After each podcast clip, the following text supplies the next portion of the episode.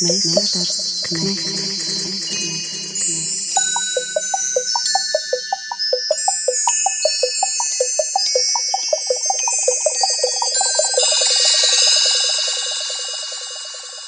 Meistars Knechts. Sveicināti raidījumā Mēsters Knehts, pie mikrofona Māra Rozenberga un Orests Silabriedis, un mēs runāsim šodien ar cilvēkiem, kas ir cieši iesaistīti Rīgas kultūras dzīvē. Kultūras dzīves plānošanā, un um, nenolieksim, ka arī mūsu raidījumi, tāpat kā dažas citas, kas citos medijos ir izskanējuši, ir ierosinājusi vēstule, kas tika izsūtīta ar pavisam vienkāršu jautājumu, vai šogad Rīgā būs kultūra. Tad mūsu uzmanības lokā ir gan kultūras projektu konkurss, gan es domāju, ka raidījuma daļā mēs noteikti paspēsim pieskarties arī Rīgas attīstības stratēģijai vispār kā tādai, jo šeit ir klātesoši cilvēki, kuru uzmanības lokā šis jautājums visnotaļ ir. Ar mums kopā šodien ir eh, Rīgas domas izglītības, kultūras un sporta komitejas priekšsēdētāja Iveta Ratinīta un Latvijas attīstībai, ir Rīgas domas kultūras komisijas līdzvadītāja Agnese Logina, frakcija par progresīviem, izglītības, kultūras un sporta komitejas pārstāvis deputāts Oļegs Burovs, gods kalpot Rīgai, arī Rīgas domas kultūras pārvaldes priekšniece Baiba Šmite un laikmetīgās mākslas centra vadītāja, laikmetīgās kultūras nevalstisko NVO asociācijas valdes priekšsēdētāja Salvita Krese, Latvijas kultūras akadēmijas profesore Zāne Kreitsberga, kas vienlaikus ir valsts kultūra kapitāla fonda padomas vadītāja. Ļoti plašs mums šoreiz sarunas biedru lokus un arī klātienes saruna tik lielā kuplā skaitā mums sen nav bijusi. Jā, jāatzīmē gan, ka tādā ļoti skumīgā kārtā mums šis sarunas ieraksta laiks ir sakritis ar ļoti nepatīkamiem ģeopolitiskiem notikumiem ārpus Latvijas robežām, kura dēļ droši vien šai sarunai būs grūtāk koncentrēties nekā varbūt cita kārta. Bet, um, nu, tās, diemžēl, ir lietas, kuras mēs nevaram ietekmēt. Šajā sarunā mēs centīsimies koncentrēties uz to, ko varam katrs kaut kādā veidā ietekmēt. Cerams, ka tās arī būs vienīgās lietas, par kurām mums būs jādomā.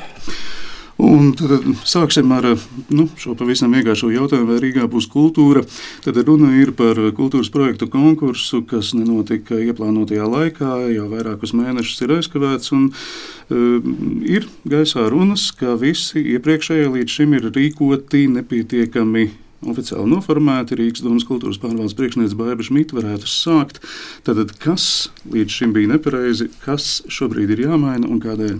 Departamentā bija Rīgas domas audits pagājušā gada rudenī, mm, kas atzina, ka trūkst augstākā līmeņa normatīvā dokumenta saistošo noteikumu, kur nekad arī nav bijuši pašvaldības departamentā rīkotajiem konkursiem, bet bez šo saistošo noteikumu pieņemšanas šis process nevar turpināties. Man jāsaka, ka ļoti nedaudzās Latvijas pilsētās šo saistošo noteikumu ir kultūras projektu finansēšanas jomā. To var pārbaudīt internetu datubāzēs. Daudzas lielās pilsētas joprojām ir bez šiem noteikumiem. Un kā sarunās mums atzina arī mani kolēģi, ka mēs esam šobrīd tāds placdarms, kas sagaida nākotnē arī citas pilsētas.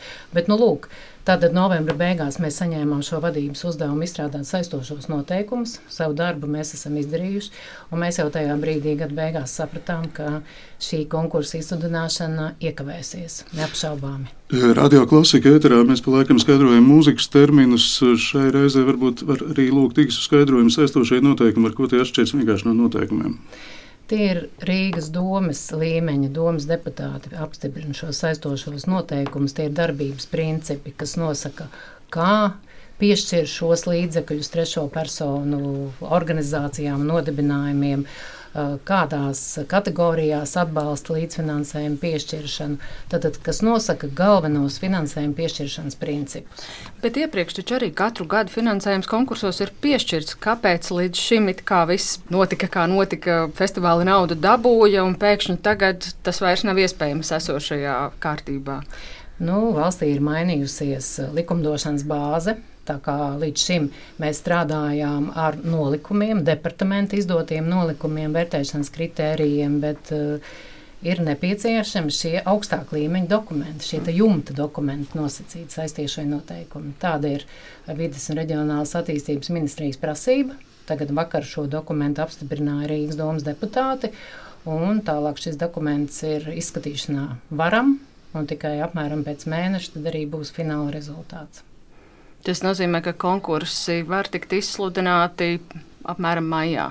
Nē, nē. Mārta beigās tiks izsludināti konkursi, un būtībā nākamā nedēļa, aiznākamā nedēļa notiks aktīvs darbs ar nolikumu mainīgās daļas uh, precizēšanu, respektīvi kritēriju, nu, visa tā matemātika, kas būs iekšā nolikumos. Būtībā viss iemesls ir, nu, zināmā mērā politiska akcenta maiņa, jo Pirmkārt, mēs esam pieci uh, nu, piecas partijas koalīcijā, vēl trīs uh, opozīcijā. Un, uh, zināmā mērā varbūt arī beigtos visas šīs politiskās diskusijas, appusējas aizdomas par dažādiem principiem, kā varbūt nelīdz galam precīzi vai atbilstoši garam tiek attīstīta nu, kaut kāda kultūra politika pilsētā kopumā, vai kāpēc notiek vai nenotiek kāda atsevišķa pasākuma. Vienkārši šis dokuments ļaus, tā skaitā arī politiskajai vadībai, viennozīmīgāk dažādu pasākumu lobētājiem pateikt, ka nē, nu, šobrīd mums ir saistošie noteikumi, principi, kā mēs atbalstīsim vai neatbalstīsim kaut kādus pasākumus. Un, zināmā mērā tas arī visas šīs nu, lobēšanas sarunas padarīs uh, krietni godīgākas, pārskatāmākas, tiešākas. Iveta, kas ir lobēšanas sarunas? Kas nu, atnāk pilsoņi XY pie, nu, piemēram, mēriem, vicemēriem, vēl kādiem uh, nozīmīgām politiskām figūrām un mēģina vienoties par atbalstu kaut kādiem atsevišķiem pasākumiem. Burokungs, jūs iepriekšējā domas vadībā, tagad esat opozīcijā? Es gribu pateikt, ka jā, Rīgas doma ir politizēta struktūra, dažreiz pārāk politizēta, bet ko es gribu pateikt, zināmā mērā oponēt kolēģei Ivetei. Tad, kad mēs gadu atpakaļ dalījām naudu kultūras projektiem, pamatojoties uz dokumentiem, ko izstrādāja departaments, tur piedalās arī domas deputāti, pa vienam deputātam no katras frakcijas. Un es jums pateikšu, kolēģi, es absolūti neredzēju šo politizāciju. Mums nebija domstarpības. Man, kā opozīcijas deputātam, nebija nekādas pretenzijas par līdzekļu sadali. Manā tā maza apakšgrupa piedalās divi arī eh, kolēģi nu, teiksim, eksperti, profesionāli savā jomā. Tas ir Dita Rietuma un Edgars Verpe. Un, uh, es faktiski respektēju viņas viedokli. Un, ja es izvirzīju kaut kādas savi priekšlikumi, bet viņi atzīmē, ka varbūt labāk šeit samazināt summu, šeit palielināt, es viņam piekrītu. Mums nebija, un es domāju, Iveta, jūs arī, un Agnese varat piekrist, mums nebija politiskas diskusijas, vai dot labiem, vai kreisiem, vai, vai, vai konservatīviem, vai liberāliem. Ja? Tas ne par šo, bet es gribu faktiski pajautāt jums, Baiba, sakiet, lūdzu, jūs teicat, ka faktiski jūs, jūs saņemat uzdevumu no domas vadības novembra beigas gatavot uh, saistošie noteikumi Rīgas domas, tāpēc esošo situāciju vajadzētu mainīt, pamatojoties uz auditu. auditu. Jā, Kad uh, doma saņem auditu, kura datuma? Audita datums ir 25. novembris. Nu, gala dokuments. Es domāju, ka šeit ir pats galvenais jautājums, un, kur ir tas pretenzijas. Es domāju, kultūras cilvēkiem, protams, jūs varat par to pateikt. Šaubas nav. Ja pareizāk pamainīt normatīvu bāzu no departamentu uz domu, tas ir normāls process. Bet kad departaments dabūja uzdevumu pēc novembra svētkiem izstrādāt saistošie noteikumi, visiem bija skaidrs, ka tas nav iespējams apstiprināt, izstrādāt no jauna mēneša laika. Tieši Protams, tas tas, būs diskusijas, un mēs... faktiski šeit es atvainojos, man, man ir, ja var tā pateikt, pretenzijas, un tas ir par to, vai par to vajadzētu domāt ātrāk, vai izstrādāt saistošie noteikumi. A variants paredzēts, ka viņi stājas spēkā no 23. gada, vai uzreiz atrunāt un pateikt godīgi, ja mēs plānojam darboties atbilstoši saistošiem noteikumiem, piemēram, no 1. māja, no 1. jūnija, bet atsevišķi mēs risinām par finansējumu, par atbalstu kultūrai un sportam par šo pirmo ceturksni, par pirmiem mēnešiem. Tas nebija izdarīts, par to nebija padomāts. Jā, tas... nu, te es vēl gribētu piebilst par ļoti būtiskiem dažiem aspektiem tā daļa, ko mēs tagad sadalām pēc šiem saistošajiem noteikumiem, ir salīdzinoši neliela visa kultūras kopējā budžeta daļa. Ļoti liela daļa kultūras budžeta tāpat tiek piešķirta nu, piemēram, nu, pēc cita principa, nu, uz dotācijas pamata. Līdz ar to tas teksts par to, ka kultūrā šobrīd eh, nekas nenotiek, ir stipri neprecīzs. Mm. Tas ir viens aspekts. Otrs aspekts - visa šī naudas sadale trešajām personām ir konkursi.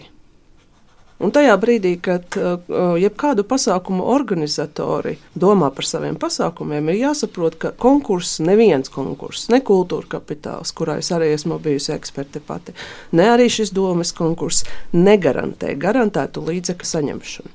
Bet uh, ir festivāli, kur ir nu, daudzus gadus pēc kārtas pieteikušies un rēķinājušies, un viņiem ir pavasarī nu, tas jā, jā, bet datums, pagājušajā gadā doma ir plānojusi, izvērtējusi to, kas varētu notikt, noraujot šo stopkrānu līdz ar to jauno saistošo notiekumu izstrādes vajadzību. Jau rudenī, kad bija atsevišķi runa par to, ka būs izmaiņas festivāla programmā kultūras komisijā, tika iezīmēts, ka šogad šis process tiks attiecināts tikai uz vienu gadu, nevis uz trījiem gadiem.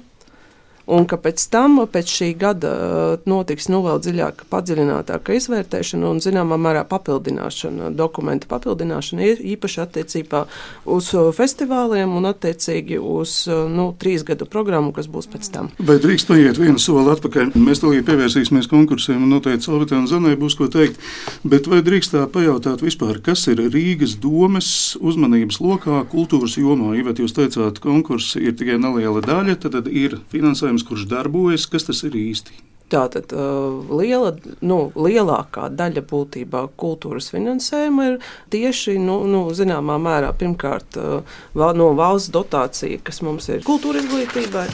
Nu, te redz, viss mīļais, jaukais budžets. Kultūras centri. Kultūras centriem un kultūras centri arī nodrošina tādā īpaši pastiprinātā režīmā, zināmā mērā, šos tradicionālos pasākumus, nu, kas ir saistīti ar gadskārtu ierašām, svināmajām dienām un tam līdzīgi.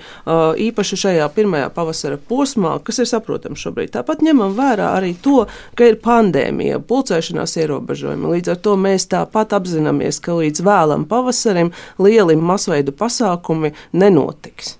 Nekā Nepiekrītu. citādi izņemot zaļā, uh, zaļajā zonā.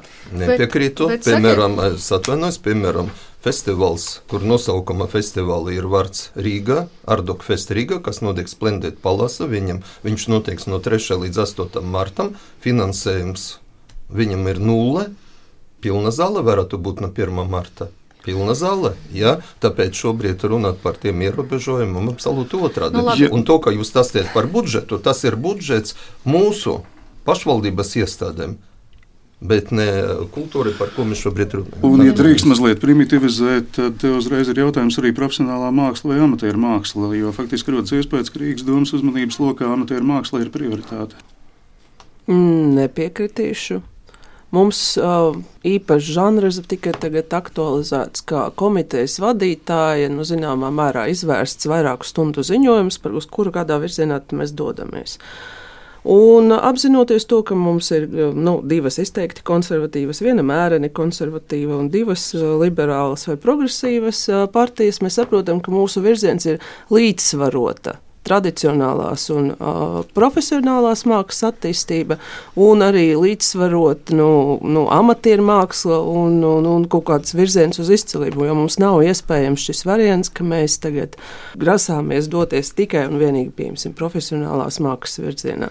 Tā pašā laikā es gribētu arī akcentēt, ka tīri procentuāli profesionālajai mākslai, ja es nekļūdos, baiba un tagad precizē, jo tu ciparus vienmēr zini no labāk nekā es, atbalsts ir pieaudzis. Jā, ir pieaudzis.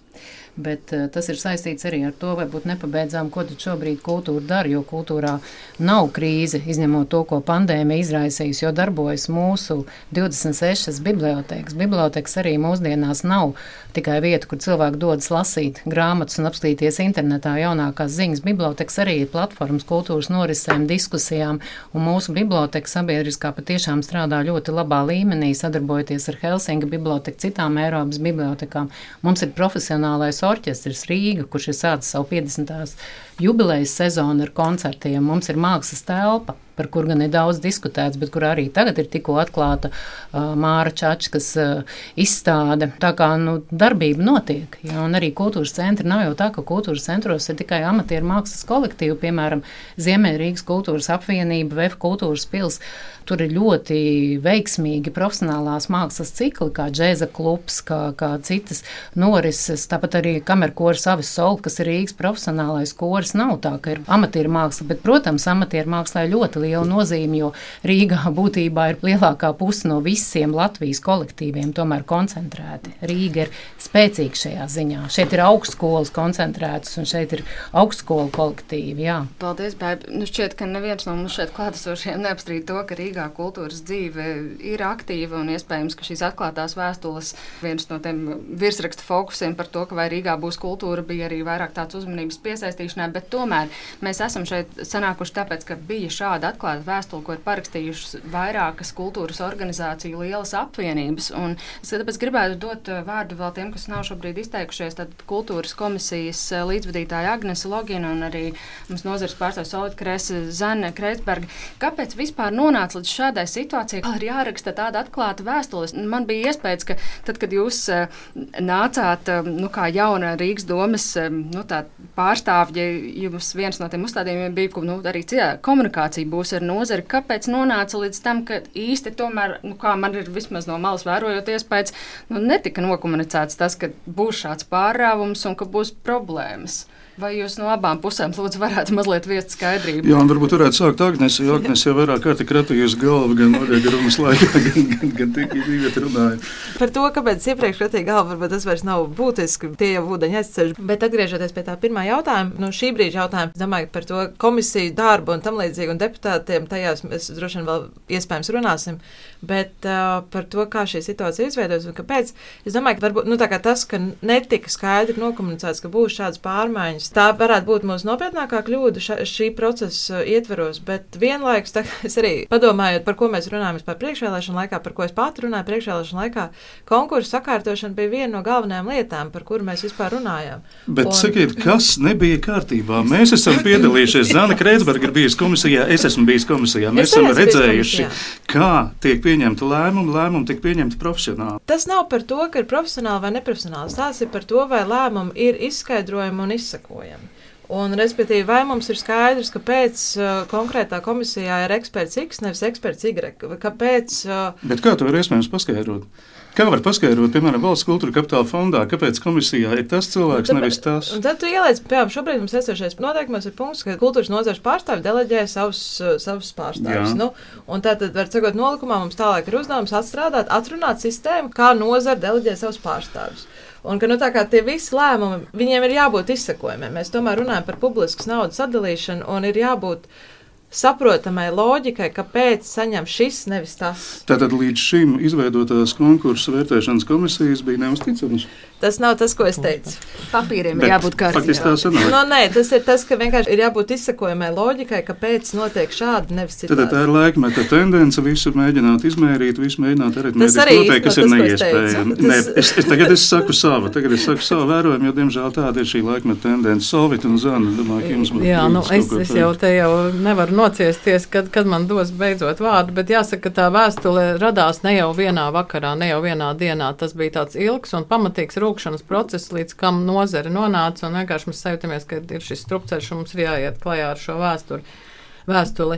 Nu, pirmkārt, jau mums notika vairākas sarunas gada pa, ieprie, pa, pagājušā gadā, rudenī, kuras piedalījos vairākās kultūras komisijas sēdēs, kur mēs apspriedām šīs jaunās tendences, domas kultūra politikā un runājot tieši par festivāliem un kultūras projektiem. Uh, kur izskanēja šī tendence, kad vairāk doma, jauno domu interesē atbalstīt tieši tādus lielu izmēru pasākumus un kaut kādā veidā nu, nesaredzēt to pienesumu, ko, ko sniedz šie ilgadīgie festivāli, kas darbojās Rīgas kultūras telpā.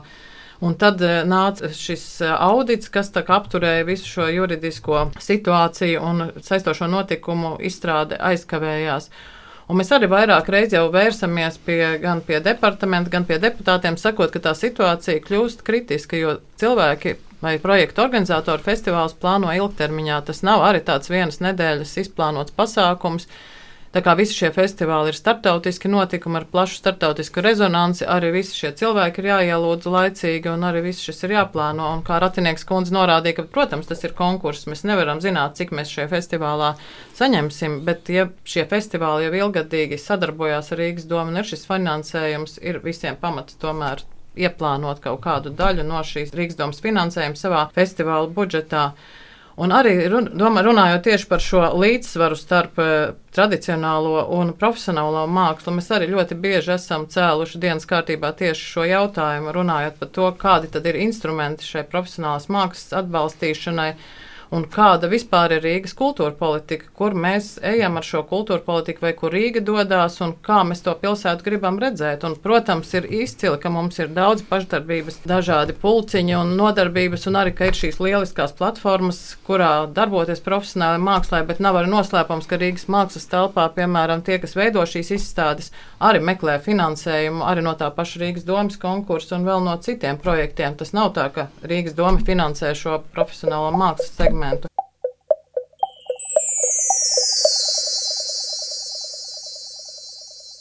Un, protams, es nevarēju noturēties arī par šo izsakošanas iespēju, komentējot, un ar ko Ratanieks kundze vairāk kārt eh, ceļa galdā runājot par šo lobēšanu. Mums nesen bija saruna ar Mārtiņu Stāķu, Rīgas mēru, un diezgan gara saruna. Un, diemžēl mēs nesagaidījām atbildi uz jautājumu, kādā veidā, piemēram, tika finansēts vai tika iedalīts finansējums festivālam pozitīvus. Nu, kur ir šis izsakošanas eh, caurspīdīgais mehānisms, kā tas vienkārši nonāca līdz tam? Jo vairāk festivāli uzdeva jautājumu, vai viņiem bija iespēja pieteikties uz šo īpašo peļņu nesošo pasākumu programmu, kāda bija iespēja, kur tas bija pieejams. Un, diemžēl Rīgas mērs uz šo jautājumu atbildēt nevarēja. Un tad mums arī bija ļoti nopietns otrs jautājums. Ja Rīgas domas stratēģija, kultūra politiskā līnija ir virzīties uz šiem peļņu nesošajiem festivāliem, kādā veidā tiek mērīta šī peļņas nešana, vai tas ir tiešām no izdzertajām alus pudelēm vai viesnīcu numuriem vai vēl kaut ko, bet vai, kāpēc netiek rēķināts, kādas ir šīs ilgtermiņas ietekmes šiem festivāliem, kas darbojās jau vairāk kā 20 gadus, gan izglītības jomā, gan sociālajā lomā, gan pilsētas gentrifikācijas jomā.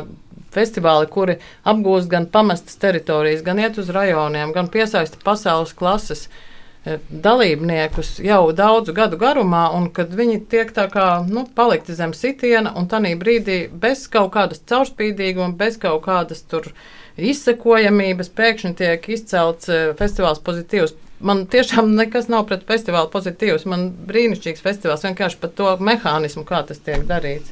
Sanai, ko piebilst. Jā, nu, es varu piebilst tikai to, ka klausoties iepriekšējo sarunu, izklausās tiešām, ka Rīgā viss ir kārtībā ar kultūru, viss brīnišķīgi darbojas, un vienīgā problēma ir bijuši šie projektu konkursi. Tad, tad vienīgā zona, kurā ir darbojies kaut cik atklāts princips, un šīs trešās personas ir konkursējušās, tad tā tagad ir tā lielākā problēma. Tad, tad tas, tas ir viens. Otrs, jā, man arī līdzīgi kā Solvitai ir jautājums par to, nu, tur man liekas, jāsadala vairākās daļās. Viena, protams, tā akūtā problēma ir tā, ka tas viss ir aizkavējies, bet skaidrs, tur vairs neko nevar darīt. Tagad tas process ir jāpabeidz, saistošie noteikumi jāapstiprina, un tad viss atkal process aizies. Bet tas, kas man liekas nu, tiešām problemātiski, ka faktiski mēs redzam to, ka kaut kāds ļoti progresīvs, manuprāt, mehānisms faktiski tiek jaukts ārā. Jo arī es izdzirdēju to, ka nebūs vairs uz trīs gadiem šis. Respektīvi, tas viss, kas likās, ir nu, nokārtots un, un īstenībā ļauj tiem kultūras operatoriem, kuri strādā Rīgā jau ļoti, ļoti ilgadīgi un ir nu, teiksim, pucējuši to Rīgas vārdu arī starptautiski. Vienalga kinofestivāla, teātris festivāla, vizuālās mākslas festivāla, dzējas dienas, prozas lasījuma un tā tālāk ka faktiski šī zona, un, un saprotiet, tur ir, nu, jūs runājat tā, trešās personas, ja, tā kā nu, kaut kādi svešie, kas nāk pēc Rīgas naudas, ja, bet faktiski šīs trešās personas ir ļoti Rīgas kultūrā un Rīgas attīstībā ļoti ieinteresēti cilvēki, kas par pusvelti vienmēr ir savu laiku veltījuši tam, lai šie kultūras notikumi notiktu. Ja. Tie ir entuziasti lielā mērā. Ja mēs rēķinātu visu ieguldījumu, mēģinātu šo šo cilvēku ieguldījumu, kaut vai uh, laika, un, un prāta un, un ideja ieguldījumu pārēķināt tiešām uh, naudā, tad uh, ticiet man, tie budžeti nebūs mazi. Tie budžeti ir mazi. Tāpēc vienkārši, mēs nekad nevaram atļauties saņemt tik, cik par to, teiksim, par to visu ieguldījumu pienāktos saņemt. Ja? Tāpēc tie budžeti varbūt nav tur miljonos ja, šiem festivāliem. Bet, principā, ja visu to atbalstu arī, ko šie festivāli savāc paralēli no citiem avotiem, ja, arī tā teikt, graudā, nevis naudā, ja mēs to visu pārreikinātu, tad mēs ieraudzītu pilnīgi citus uh, ciparus. Un man liekas, ka tas vienkārši šobrīd izskatās uh, nu, kaut kā ne, diezgan nesaprotami. Man liekas, ka tieši otrādi Rīgas domai būtu vairāk jāizseko kultūras veidotāji tādā nozīmē, ka ieklausīties, paskatīties un izmantot savā kultūra politikā un savā politikā tos principus un tās idejas. Salvit runāja par to gentrifikāciju. Ja? Es varu pateikt, ka 2001. gadā Homo Novas festivāls bija pirmais, kurš pirmo notikumu lielo uztaisīja Daugaugrības cietoksnī. Mēs redzam, kā šī vieta tālāk jau ir pārņemta, attīstīsies. Tur būtu drīzāk otrādi jāskatās līdzi tām idejām un jāmēģina uz tām varbūt arī lielā mērā balstīt to kultūru. Nu jā, tad mēs nonākam līdz Rīgas stratēģijai un līdz loģiskam jautājumam, kādēļ gan šo visu jau automātiski neiekļaut Rīgas kultūras plānā plānā. Bet nu, tas droši vien ir pārāk augsta plaukta jautājums. Šobrīd ir ilgi runājis Salvita un Zana, Iveta, Baiba, Agnes, kur no jums liek? Es laikam, es Jā. atļaušos būt nekorekta un pateikt, ka es neticu pozitīvusam kā veiksmes stāstam un esmu iekšējā opozīcijā pozīcijai. Nu, jo, manuprāt, izaugušu koku nevar pārstādīt, netraumējot tā saknes, un turklāt vēl šādos apstākļos, kad ir pandēmijas un no mazpilsētas uz lielpilsētu. Un, un, zināmā mērā pozitīvs bija tāda hipsteru Woodstockas lokalizācija, kur viņi vienkārši aizbrauc un tur dzīvo zaļi un tā tālāk. Un es nesaprotu to, kā šādu formātu var pārcelt uz Rīgu. Kā Tieši tāpēc es esmu vairāk nekā laimīga, ka festivālu uh, mazumiņš sadalāmais. No turienes netika automātiski atdalīta pozitīvus nauda bez jebkādiem kritērijiem, ka tika atrasta iespēja uh, pozitīvus, tāpat kā lielos sporta pasākumus, vispār nu, zināmā mērā novirzīt citā programmā, kā pasākumi, nu, no kuriem tiek gaidīts primāri ekonomiskais pienesums un tam līdzīgi šādi aspekti. Jo sākotnējā pozīcija daļai no kolēģiem, diemžēl, bija tāda, ka nu, pozitīvus iet kopkatlā ar pārējiem festivāliem, kas, manuprāt, nu, tad tiešām iznīcinātu ļoti daudzas labas tradīcijas. Tas Bet. ir viens aspekts. Otrs aspekts ir tas, ka ļoti daudz lēmumu vienmēr notiek nu, tomēr, nu, tāda vēriena, kā atbalstam milzīgu maratonu, vai ne, notiek arī sadarbības padomes formātā. Tas ir frakciju vadības līmenis un maz saistīts ar kultūras ekspertīzi vai sporta ekspertīzi, bet drīzāk ar nu, kaut kādām tādām tieksmēm uz zināmu mērā lielu vērienu. Kā? Būtībā personisks. Nu, pārpersonisks, ideoloģisks, nu, sauc viņu kā gribi. Nu. Lūk, manuprāt, arī tīri zinot, ka mm, mēs virzam sa šo saistošos noteikumus, bija nepareizi atbalstīt paralēli pozitīvus, kuram šie saistošie noteikumi nav saistoši. Un, nu, sorry, bet es to pateicu, jo man vienkārši tas visu laiku sāp, ka nu, man ir jāizstāv ne sava politisko redzējumu. Ja? Nu, tas nav mans formāts, kurā pozitīvusam ir jāatrodas Rīgā. Labi, bet pozitīvus ir tikai viena mūsu sarunas daļa. Jā, jo, jo man daudz vairāk um, aizķērās šajos jaunajos saistējušajos noteikumos tas, ka visos konkursos katrai politiskajai frakcijai būs iespēja deleģēt arī savu pārstāvu līdzās ekspertiem. Un eh, es tā pie sevis domāju, vai tas tādā gadījumā, zinot, ka Rīgas domē ir astoņas frakcijas, nenozīmēs, ka beigu beigās atbalstu gūs tādas remdenes kultūras iniciatīvas, kas visiem glauda pa spalvai. Varbūt arī tam es esmu pret. Un man arī tas liekas nedaudz nepareizi, bet mums atkal jārēķinās, ka mums ir šie liberālie, progresīvie, konservatīvie bloki, kas eh, nervozi uztver, nu, piedodiet, lentītes, strīpiņas, kaut kādus atsevišķus, eh, um, nu, nezinu, puķīšu krāsu un visādus šādus elementus, un domā, ka vispār šiem konkursiem ir kāds sakars ar vizuālo noformējumu. Kolēģu kompetence, nu, arī tā skaitā um, racionālā un politiskā arī ir, protams, nu, dažāda. Un, ja, piemēram, daļa no šiem politiķiem, kas būs konkursa komisijās, ir arī nu, zināmā mērā respektējami nozaru profesionāļi, tad par, nu, par pārējiem es Nu, Pārējie nevaru vienkārši tā teikt. politiķi, jā. Pārējie ir vienkārši uh, godīgi sakot, par šo punktu, par, komite, par deputātu dalību konkursu komisijās mums bija vētrēnas diskusijas, manuprāt, apmēram pusotru Kas apēda trīs nedēļas no laika. Sauksim to arī tieši. Uh, tas bija ļoti tā, tiešām, nu, tāds. Um, es pati balsojumā par šo jautājumu.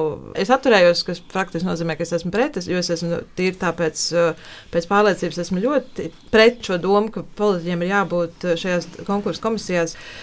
Tieši šī iemesla dēļ, ko jūs sakāt, nu, man šķiet, tā ir mana personīgā pārliecība, vienkārši saliekot kopā pēdējā gada notikums, ka šis ir vēlēšana gads un faktiski mūsu kolēģi, kuri uztver daudz stramīgāk dažādas viļņošanās sabiedrībā un, un kuriem liekas, ka šobrīd progresīvā doma nes, ko viņiem atņem, nu, faktiski viņi vienkārši nevēlas pieļaut, bet tas ir atkal mans, mana interpretācija, viņi nevēlas pieļaut vēl vienu morāli. Tas ir mans lasījums.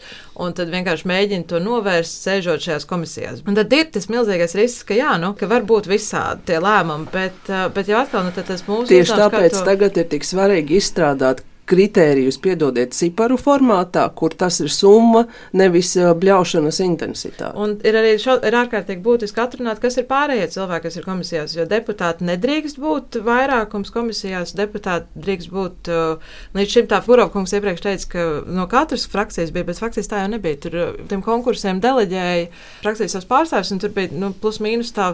Viena trešdaļa no komisijas vidēji. Jā, divi līdz trīs. Divi vai trīs tieši. Uh, un, uh, un šobrīd, nu, tā kā, ja, no, ka- ja katrai frakcijai ir tiesības deleģēt savu pārstāvi, tad uh, tikpat daudz, ja ne vairāk, ir jābūt ekspertiem. Uh, un ir Tātad jābūt. komisijā būs 20 cilvēki. Tas ir tas risks, uz, Kolosāli. uz kuru es norādīju arī debatēs. kolosāli.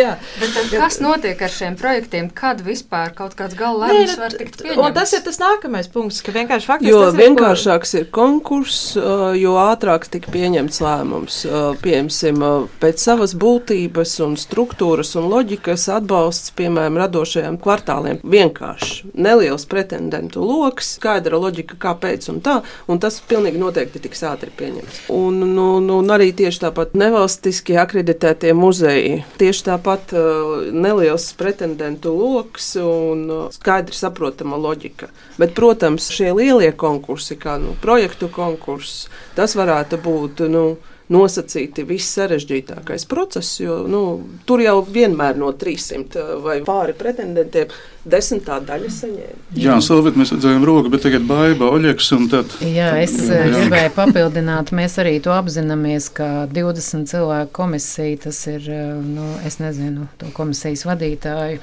kurš to varētu novest veiksmīgi līdz galam. Bet tas nebūs politikas. To es varu Bet, vienkārši. eh, Es nu, vienkārši zinu zvērēt. vienu labu praksi. Es savulaik darbojos Rīgas filmu fondu komisijā kopā ar Ditu Rietumu un ar citiem ekspertiem.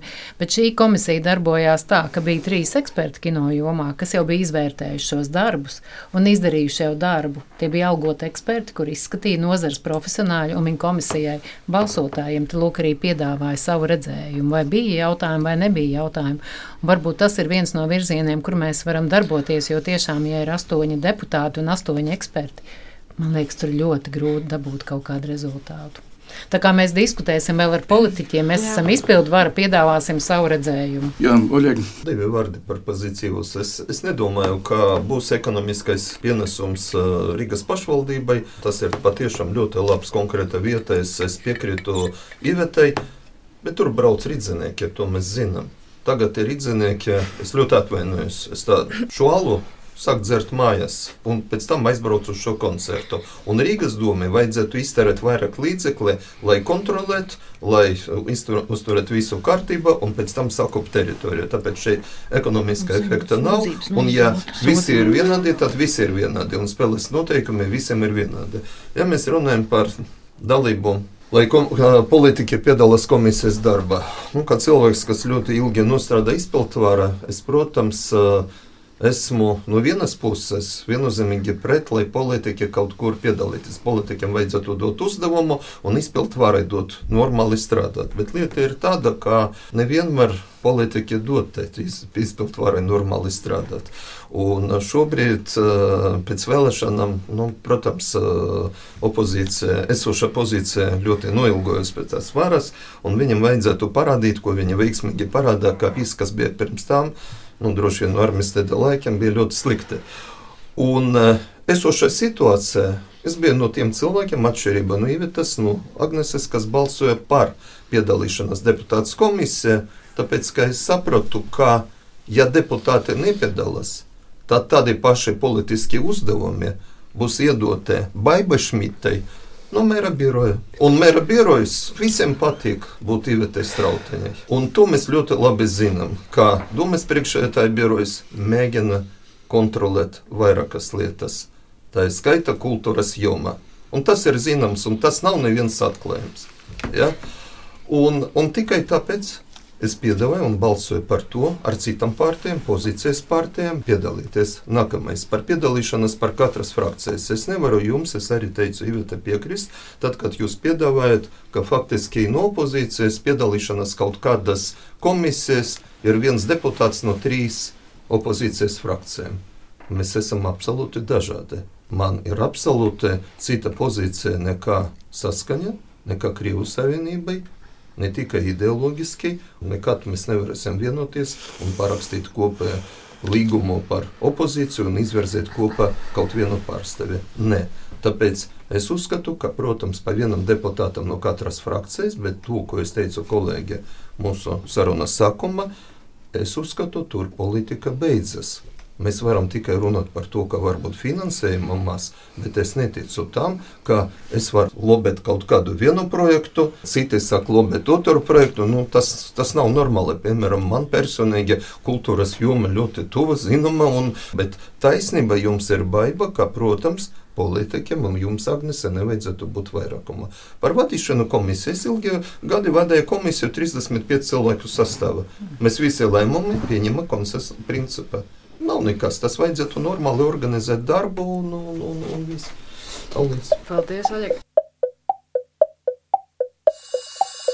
Meistars Knehts. Nu, Līgā pārējot uz mūsu sarunas otru daļu, kur mēs gribētu mazliet plašāk parunāt par to, kāda ir kultūra politikas nākotne Rīgā, tagad eh, pie jaunas politiskās eh, varas. Sakiet, vai Rīgas doma plāno tad apmierināt to lūgumu no kultūras organizāciju puses, kas bija pausts arī šajā atklātajā vēstulē, proti iekļaut Latvijas radošo savienību padomes un laikmatīgās kultūras NVO asociācijas deleģētas pārstāvis dalībai Rīgas domas kultūras komisijas komisijas sēdēs, lai šī sazobe turpmāk būtu ciešāka, lai komunikācija būtu labāka un arī kultūra politikas tālākās prioritātes tiktu veidotas um, nu, vairāk rakstā ar to, kā jūtas arī pati nozare. Protams, Jā, Solvits Kresers arī pietiekami bieži jau piedalīsies mūsu komisijas sēdēs. Paras, līdz šim tas parasti ir bijis uz kaut kādu konkrētu tēmu. Bet uh, tas ir tikai, manuprāt, brīnišķīgi, ka nu, šīs komisijas sēdes ir atvērtas. Uh, mums piedalās arī deputāti, kas nav dalībnieki šajā komisijā.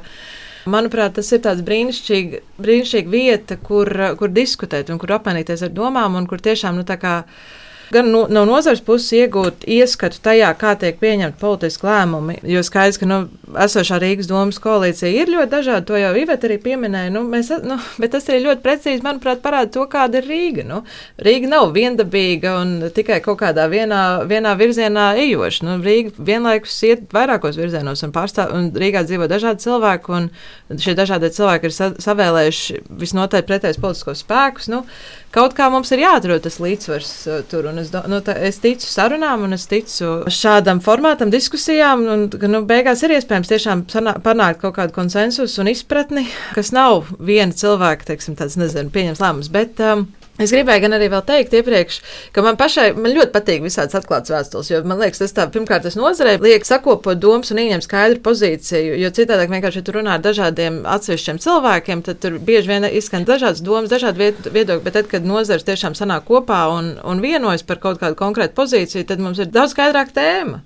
Un nu, tā kā tā, tā, nu, šāda atklāta vēstule, piemēram, ir ļoti labs atskaites punkts, no kā tad iet uz priekšu. Nu, jo citādi, tā kā dažādas sarunas, nu, jā, tur ieskanas dažādi uzsveri. Solita, Zana, kā jūs redzat šīs sarunas turpināšanos? Jā, nu, man dabiski ir prieks, ka tas eh, sausais atlikums, ja mēs varētu teikt, no šīs visas vēstules ir tas, ka mums būs iespēja regulāri piedalīties šajās sēdēs, un kā es arī sapratu no, no departamenta cilvēkiem, no, no politiķiem, ka mums būs iespēja piedalīties šo konsultatīvo lomu, ieņemt šī nolikuma, konkursu nolikuma. Tas ir ļoti būtiski piezīme, kur. Nu, jā, mīļie draugi, tikai apzinieties, ka tie, kas piedalās, nevar pēc tam principā piedalīties konkursā, jo interešu konflikts tu nevari veidot visus kritērijus nu, pēc tam pašam sevis vērtēšanai. Nu, mēs droši vien atradīsim, atradīsim kādu, kas, kādu, kas nepiedalīsies, bet es jā, gribētu, nu, korekti, gribētu vērst uzmanību uz to, ka mēs eh, tieši arī tie paši vēstos parakstītāji, mēs arī diezgan kritiski izteicamies par šo noteikumu, šo noteikumu redakciju, kas tagad gāja ar uz domas balsojumu.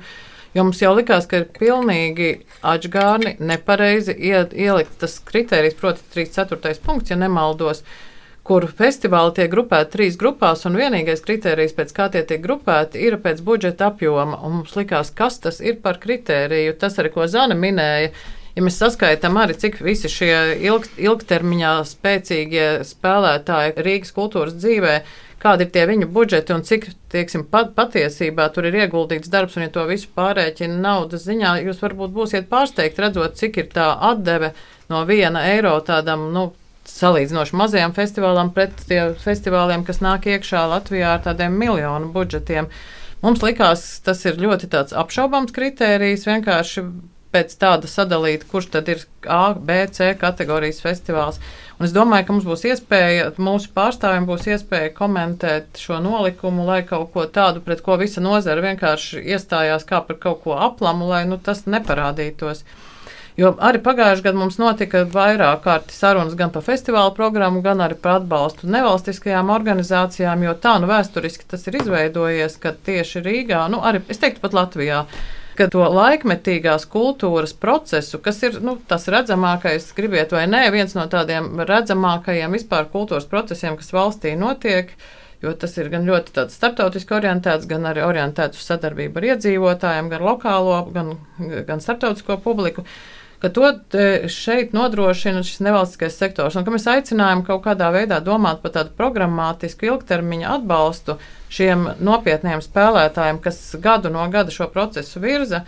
Nu, mums bija vairākas sarunas, bet nekur tas nerezultējās. Īstenībā tas jau iet roku rokā ar šo festivālu programmu. Un tad es skatos, arī tiešām ir šiem nevalstiskiem muzejiem atbalsta programma, ir radošiem kvartāliem, kas ir brīnišķīgas lietas, bet es domāju, kādi tieši tie mehānismi man atkal interesē. Piemēram, kāpēc izsegmentēt no visa šī nevalstisko organizāciju segmenta ārā, piemēram, nevalstiskos muzejus vai, piemēram, nu, radošos kvartālus. Nu, radošos kvartālus vēl var saprast, tas ir vairāk ar tiešām tādu ģentrifikācijas akcentu. Jā, nu, kaut kā gribētos saprast šo domes lēmumu, kaut kādu loģiku, motivāciju, kā tas iekļaujās kādā lielākā redzējumā kur mēs gribam nonākt, un tad mēs izdarām tādus soļus, nevis vienkārši pēkšņi atbalstam kaut ko tādu, tur atkal kaut ko pārmetam riņķī, ka tā ir kaut kāda programmatiska vīzija, kurai mēs sekojam, un lai visiem ir skaidrs, kas tā ir pa vīziju un kur mēs virzamies.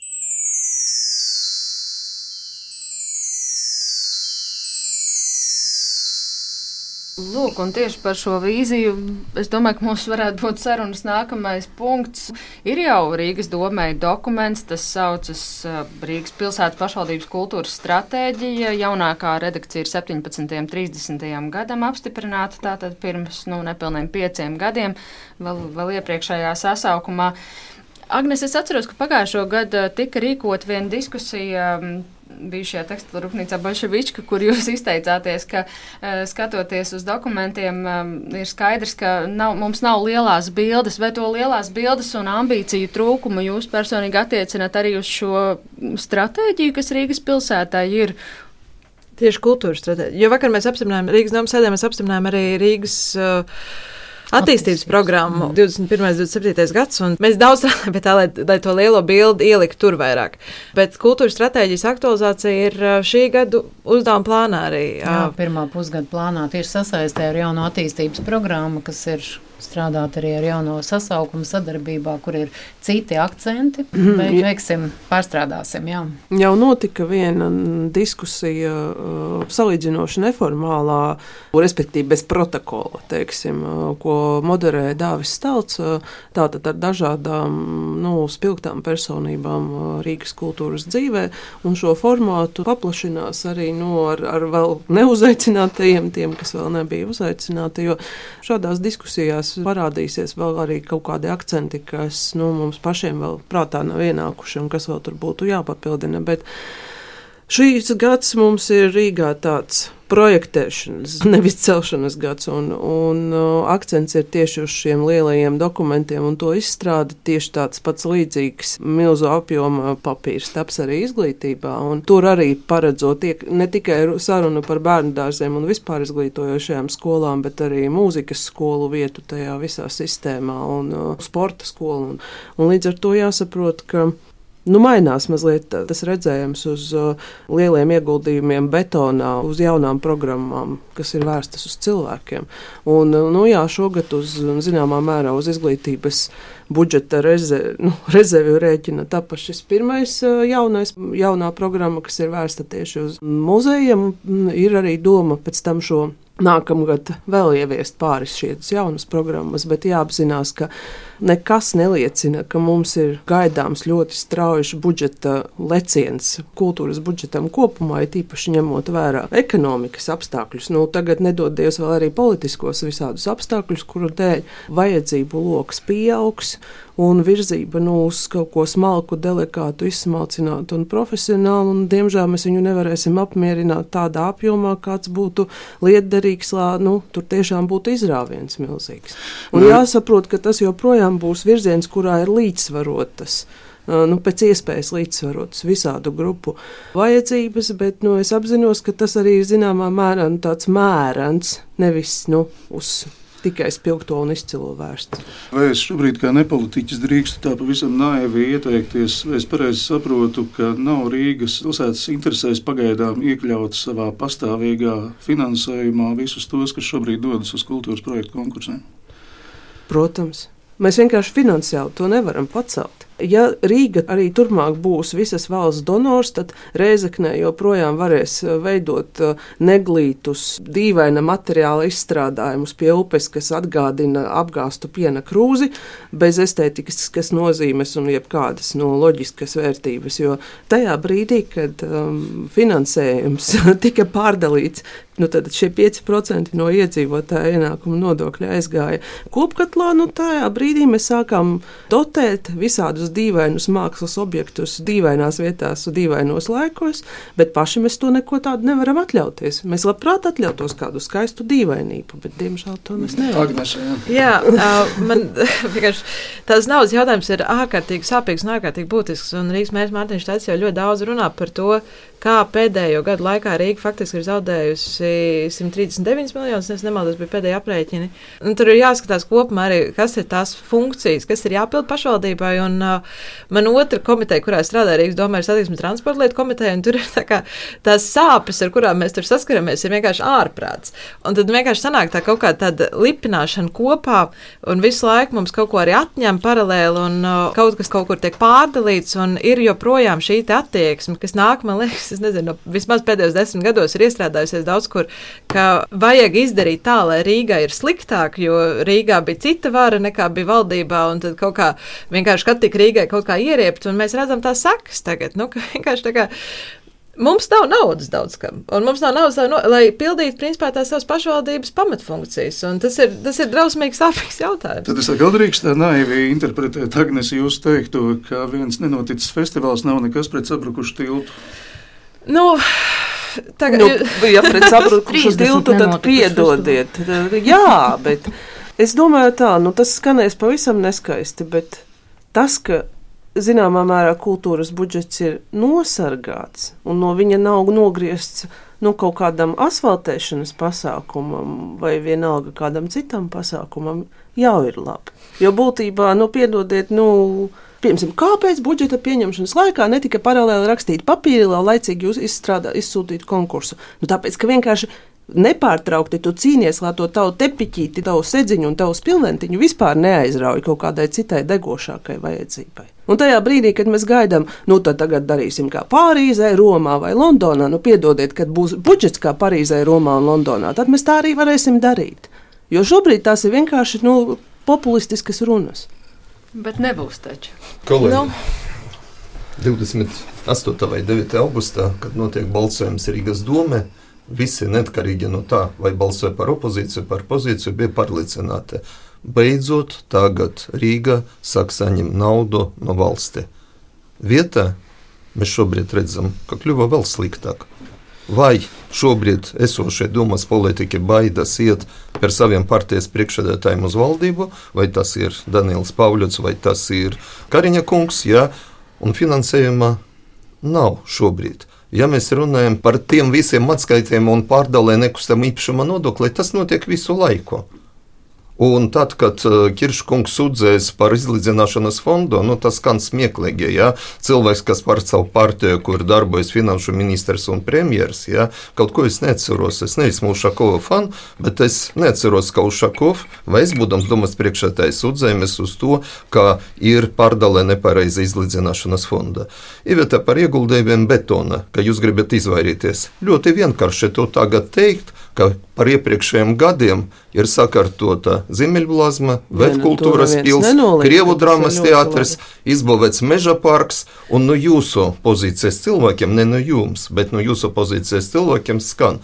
Priekš kam bija ieguldīta nauda meža parka, kad nav sakārtoti tilti? Tas ir tas pats stāsts par Nacionālā teātra projektēšanu, par piebūves projektēšanu, kur mēs tas nā- nebija mūsu iniciatīva. Mēs dabūjām uzdevumu no ministru kabineta ar ministra kabineta rīkojumu, un to mēs darām. Tāpēc šis projekts, ja viņš netika piebremzēts, jau varēja būt gatavs šogad martā, un tas būtu augstas gatavības projekts. Pretējā gadījumā šobrīd mēs taisām kaut kādu imitāciju projekta, piešķiram tādu līdzekli, ka faktiski vajadzētu pateikt godīgi, šo projekts nebūs turpināts. Ja?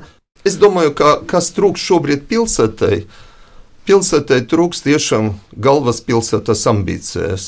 Mēs labi runājam par apkaimiem, par atsevišķiem punktiem, bet mēs neredzam un mēs, mēs nelepojamies par to, ka tas ir galvaspilsēta, ka tas ir galvaspilsēta un geogrāfiski, ka tas ir faktiski Baltijas centrs. Nē, tādas ambīcijas mums šobrīd nav.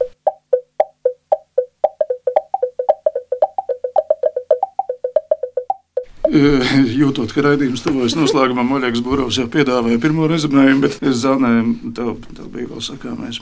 Jā, es jau klausoties, jau mazliet aizmirsu, ko es gribēju teikt, bet uh, man vienkārši nu, iznāk vairāk šajā sarunā klausīties no malas. un Man liekas, ka jums vienkārši biežāk ir jātiekas savā starpā un jārunā par to visu, ko jūs te runājat. Ja mēs faktiski runājam tagad eh, vairāk par domu un domas iekšējo uh, nu, kaut kādām attiecībām. Un, un, Bet un, no tā taču izriet un līdzīgi. Jā, jā, jā, bet nu, un, un, un līdz ar to tas, tā, jūs vairāk kārt šajā sarunā ir pieminēts šis līdzsvarotība ja, un līdzsvars. Uh, bet man liekas, ka tiešām tas šobrīd izskatās, ka tas, nu, ka tas smaguma centrs ir pašā domē, ka jūs mēģināt paši saprast vispār, kas un kā notiek un kā ir jānotiek, kādiem noteikumiem jābūt ne tikai oficiāliem, bet acīm redzot, nu, lai arī sabalansētu ja, tās partiju kaut kādas intereses un tam līdzīgi. Bet uh, es gribēju vienkārši piebilst, varbūt klausītājiem skaidrībai. Jūs runājāt par uh, pilsētas budžetu, ja par ļoti lieliem kaut kādiem cipariem, kas nav tur nonākuši un tam līdzīgi, ja, kas, kas ir mērām miljonos. Bet, piemēram, atgriežoties pie festivāla mēģinājuma, mēs runājam tikai par 200 tūkstošiem Nē, uz visiem Pat 350, bet kas arī ir ļoti maz, protams, Nu, uz visiem desmitiem- cik, cik galā? 350 tūkstoši Nu, tas eiro. Bet šis Ir skaitlis pielemts, ka tā būs, bet pirms tam taču bija, man liekas, ka 200 iepriekš. Ne, Nē. 350. jā. Nē, bet nu, Nu, labi, nu, skaitlis nav 350, mainījies, tas ir arī- priekšlikumos tas ir arī regulāri. labāk. bet, bet tik un tā, nu, ja mēs, nu, mēs runājam par ļoti, ļoti nelielu, ja, lai tur vienu, es nezinu, cik tur dažus metrus noasfaltētu ielu, eh, mēs runājam par daudz lielākām summām nekā šī. Nu, restīvi, tur man liekas, ka eh, tas apdraudējums tādā ziņā, respektīvi, manuprāt, ir jāsaprot tas, ka šī te kultūras dzīve eh, lielā mērā darbojas eh, un ir pieradusi darboties ļoti, ļoti rentabli. Nu, tas, ko Solvita teica, ja, nu, no viena reāla eiro izaudzējot daudz lielāku to labumu, kas no tā veidojas, ja, salīdzinot varbūt ar kaut kādām citām jomām. Tā kā, man liekas, ka tas arī vienmēr ir jāpatur prātā un jāņem vērā kā tāds būtisks aspekts tajā. Mēs noteikti vienmēr esam gatavi piedāvāt Latvijas radio studiju savstarpējām sarunām, jo man liekas, ka sarunājoties bieži vien var uzzināt, ka tās atšķirības varbūt nav nemaz tik lielas un, un kopīgi darbu veicot tā lielā bilde arī veidojas. Iveta, pašā raidījuma noslēgumā mums ir burtiski vēl nu, pusotra minūte laika. Kas notiks ar tradicionālajiem pasākumiem? Jāņu vakars, vecgads, 18. novembris, 4. maijs. Viņi notiks, viņi, tas apjoms noteikti nebūs nu, tāds, kā mēs kaut kādos pagātnes laikos esam pieredzējuši. Es saku, manā pasaules un estētikas izjūtā krastmalas Jāņi ir kaut kas tāds, kas īsti neiedaras. Ir tīpaši šī, šādas nosvaltētas krastmalas Jāņi. Tajos kaut kādos nākotnes utopiskajos laikos, kad tā būs varbūt kāda gājējiem piemērota, nu, cilvēkam piemērota vieta, varbūt jā, bet ne šajā laikmetā. Tāpat es neredzu salūtus. Nu, man, man, man salūts tik daudziem patīk. Nu, jā, mm, piedodiet, arī tad, kad viņš ir aizliegts, eh, viss purvciems blīkšķi, bet, eh, bet es kaut kā neredzu, piemēram, šādus, šādu taupīgu budžetu ietvaros, es neredzu naudu salūtam. Bet tad eh, vispār masu pasākumiem krastmalā nē, vai nu, vienkārši citā formātā? Teiksim, citā formātā, kaut kādā, nu, varbūt, nu, laikmetīgākā, kaut kādā cilvēkam draudzīgākā formātā Jā, bet radošākām idejām, kā to pašu izdarīt. Mums ir tik daudz brīnišķīgu, dažādu citu vietu Rīgā, kur, piemēram, nu, saku, Jāņu pasākumi ir daudz dabīgāk iedarās arī jebkādi nu, citi, nu, teiksim, nu, tautiski, nacionāli. Mums ir tāda, tāda milzīga, skaista vieta, kurai vajag vēl lielus pasākumus. Kā, lūdzu, dariet atvērta vieta. Pagaidām nedrīkst. Turamies viens no otra tādā mīļā, jaukā distancē un ejam uz teātriem. Prieks tur burovu pirmizrādēs sastapt teātrī. Tā, tā patīkami, ka redz vismaz Gaumils teātri mums ir līdzi. vismaz kaut kas kopīgs. Tad, kad tiks jā, gal galā izsludināts šis kultūras projekta konkurss, tad mēs runājam, ka tas varētu būt marta beigas. Marta beigas. Jā. Tad ir tomēr cerība, ka kaut kas šogad vēl varētu notikt. Protams.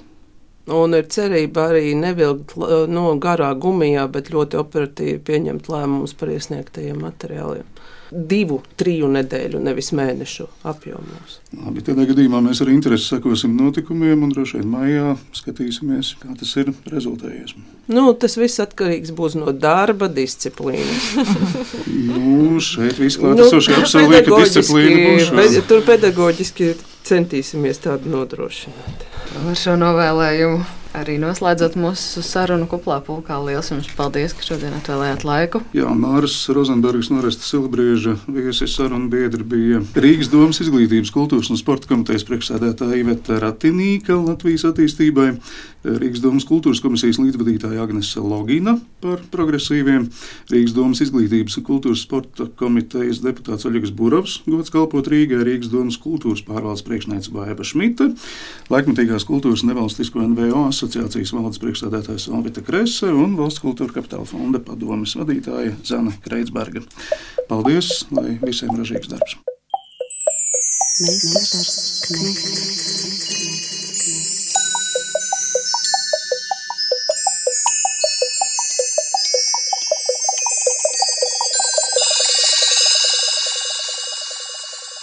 Meistars Knechts.